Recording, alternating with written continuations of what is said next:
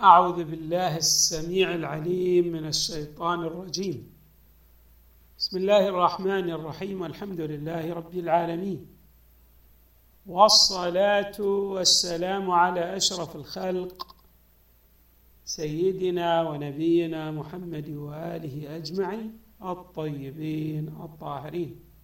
قال الله تعالى في القرآن الكريم قد كان لكم آية في فئتين التقتا فئة تقاتل في سبيل الله وأخرى كافرة يرونهم مثليهم رأي العين والله يؤيد بنصره من يشاء إن في ذلك لعبرة لأولي الأبصار صدق الله العلي العظيم.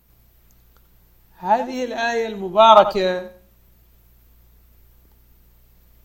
درس من الدروس العظيمة التي يعطيها الله تبارك وتعالى للمؤمن وكذلك للكافر. إلا أنها بالنسبة للمؤمن تشكل له ركيزة كبيرة وعظيمة لكونها تفصح عن المدد الإلهي. المدد الذي يقترن به التوفيق. وكذلك أيضا تبين الخذلان للكفرة والمشركين الذين يناوئون الله تبارك وتعالى ورسله وأنبياءه. الآية هذه تتحدث عن واقعة بدر حيث أن واقعة بدر كانت من الوقائع المشهورة التي انتصر فيها المسلمون على المشركين على الكفرة مع أن الكفرة كان لديهم أضعاف ما لدى المؤمنين في العدة والعدد أي في الأسلحة والأفراد. إذ أن جيش المسلمين هو ثلاثمائة وثلاثة عشر بينما الكفار عددهم يبلغ الألف. بالإضافة إلى توافر الأسلحة والوسائل الأخرى لدى الكفار وقلة ذلك بالنسبة للمسلمين لكنه وبالرغم من القلة لدى المسلمين إلا أن الله تبارك وتعالى أيد المسلمين بنصره وخذل الكفار بهزيمتهم النكراء. ينبغي هنا أن نلتفت إلى نقاط متعددة في هذه الآية المباركة. أفصح عنها الحق في هذه الآية وفي آية أخرى من القرآن الكريم بينت ما يتعلق بهذا الأمر وهي قوله تعالى وإذ يريكهم وإذ يريكموهم الله وإذ يريك يريكموهم إذ إذ إذا التقيتم في أعينكم قليلا ويقللكم في أعينهم ليقضي الله أمرا كان مفعولا. هذه الآية وإذ يريكموهم إذا التقيتم في أعينكم قليلا ويقللكم في أعينهم ليقضي الله أمرا كان مفعولا. في الحقيقة من آه عجائب الآيات القرآنية التي تشير إلى التخطيط الإلهي والمدد الإلهي في نفس الوقت. كيف التخطيط؟ التخطيط كان يعتمد على اولا أن المؤمنين وهم المسلمون لا بد أن يخوضوا هذا هذه الحرب وأن يبذلوا قصارى الجهد فيها. يعني أن لا يخافوا من الأعداء. وكذلك أيضا لا بد أن يدخل الأعداء وهم الكفرة إلى هذه الحرب ويرون أن نصرهم من الأمور المحتومة باعتبار قلة عدد المسلمين من ناحية وضعف إمكانياتهم من ناحية أخرى. وقوله تعالى وإذ يريكموهم إذا التقيتم في أعينكم قليلا. يعني أن الله تبارك وتعالى جعل الأمر قبل المعركة الرؤية من لدن الطرفين تدعو كل طرف أن يدخل الحرب بنحو حتمي. أما بالنسبة للمسلمين فالله تبارك وتعالى قلل أعداد الكفار في اعينهم في أعينهم. وبالتالي يرون أن الدخول في الحرب لا يؤثر على معنو على معنوياتهم لكونهم يتوافر لديهم ما يستطيعون أن يتغلبوا به على عدوهم. إذ يرون أن العدو أعداده قليلة. نعم. حتى أنه ورد في بعض الروايات أنهم كانوا يرون أن الأعداد قبل المعركة للكفار في بدر لا يتجاوز مئة. وهذا نوع من التأييد الإلهي. أي أنهم هم في العدد يرون أنفسهم أكثر. والأمر الآخر إن الله تبارك وتعالى أيضا يقلل أعداد المسلمين في أعين الكفرة. ليدخلوا هذه هذه الحرب على نحو الجزم والحتم.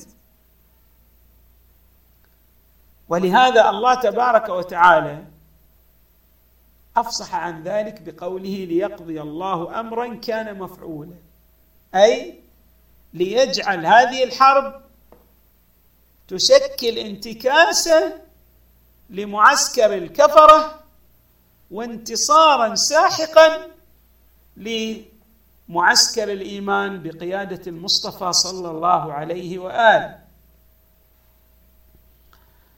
أيضا في هذه الآية المباركة عندما نتأمل نرى في قوله تعالى قد كانت لكم آية في فئتين التقتا. أيها المؤمنون هذه الهزيمة النكراء التي حلت بأعدائكم تشكل آية جلية لكم أن الله تبارك وتعالى له عناية بكم ويمدكم بالقوة خصوصا في ساعات الشدة والعسرة. الله تبارك وتعالى عندما يتحدث لنا عن الفئتين اللتين التقتا فئة منهم تقاتل في سبيل الله لها مبادئ ترتكز على الإيمان بالله وأخرى كافرة. لكن هؤلاء الكفرة لما دخلوا الحرب كما أشرنا قبل دخول الحرب الآية التي تلوناها ذكرناها وهي آية أخرى ليست بموجودة في هذه السورة وإنما في سورة أخرى. كانت تفصح عن أنهم كانوا يرون الكفره كانوا يرون المؤمنين المسلمين قلة. لكن بمجرد أن دخلوا الحرب وإياهم انقلبت الصورة. فأصبحوا يرون أن هؤلاء الذين يقاتلونهم كثرة. والعدد يصل إلى فوق الستمائة يرونهم مثليهم رأي العين. يعني إذا قلنا إن العدد كان للمسلمين كما تشير إلى ذلك الروايات ثلاثمائة وثلاثة عشر فكان الكفار يرون أن العدد هذا مضاعف. يعني هم ستمائة وستة وعشرون مقاتلا. انقلبت الصورة هنا لدى الكفرة. فأصبح الكافر الذي يقاتل المسلم يرى أن المسلم جاءه بعدد ليس بهين. يستطيع هذا العدد أن آه، يقاتل العدو باقتدار. ولهذا في قوله تعالى يرونهم مثليهم رأي العين. يعني هذا أمر واضح. مثل ما نقول هذا رأيته رأي العين. يعني حسي. ليس فقط على التخمين. الله يريد أن يفصح عن هذه الحيثية.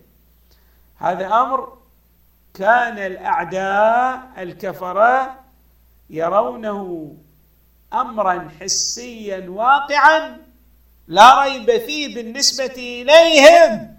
رأي العين. فيما بعد الله تبارك وتعالى أيضا يوضح لنا المدد الإلهي.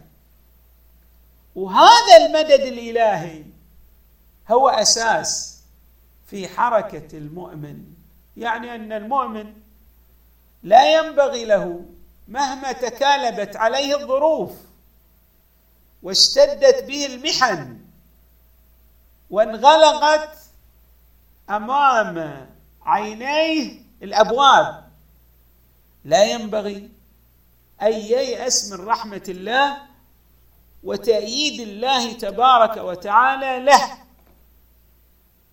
وهو معنى أن تنصروا الله ينصركم. الله تبارك وتعالى إذا هنا يبين لنا هذا الأمر في قوله تعالى نعم والله يؤيد بنصره من يشاء. لا النصر بيد من؟ بيد من بيده مقاليد الأمور. النصر بيد الله تبارك وتعالى. فإذا شاء أن يؤيد هؤلاء المؤمنين السالكين السائرين في طريقه لتحصيل مرضاته وأمدهم بالعون فإن النصر سيتحقق لا محالة. والله يؤيد بنصره من يشاء. فيما بعد الله تبارك وتعالى أيضا يجلي لنا هذه الحقيقة. في قوله تعالى إن في ذلك لعبرة لأولي الأبصار. طبعا العبر كثيرة ولكن هناك أمور وقعت. وهذه الأمور التي وقعت وتحققت حري بالإنسان أن يلتفت إليها وأن يعي ما تتضمنه من الدروس وما تشتمل عليه من الحكم وما يحيط بها من اللطائف. ففي معركة بدر الظروف الخارجية كلها كانت تصب في صالح الكفرة. ولكن الله تبارك وتعالى قلب تلك المعادلة فجعل الظروف تصب في صالح المسلمين. اولا كما رأينا بانقلاب الصورة بمعنى أن الصورة قبل المعركة كانت تتغاير عن الصورة بعد بدء المعركة. فالصورة قبل بدء المعركة كان الطرفان كل منهما يرى الآخر قليلا. ولذلك تحتم عليه هذه الرؤية الدخول في الحرب والنزال مع لعدوه ومع عدوه. لكن بعد أن دخل الطرفان في الحرب وانقلبت الصورة كانت الصورة أيضا شنو؟ بالنسبة للمسلمين. هنا الصورة يرون أن العدو أقلية. بالنسبة للكفرة ترى أن المسلمين لا. عندهم القدرة والعدد الكافي لمقارعة العدو. فهنا تبدل هذه الصورة هذا التبدل الكبير يشكل عبرا ودروسا في اعتماد المؤمن كفر واعتماد المؤمنين كمجتمع إيماني على الاتكال على الله.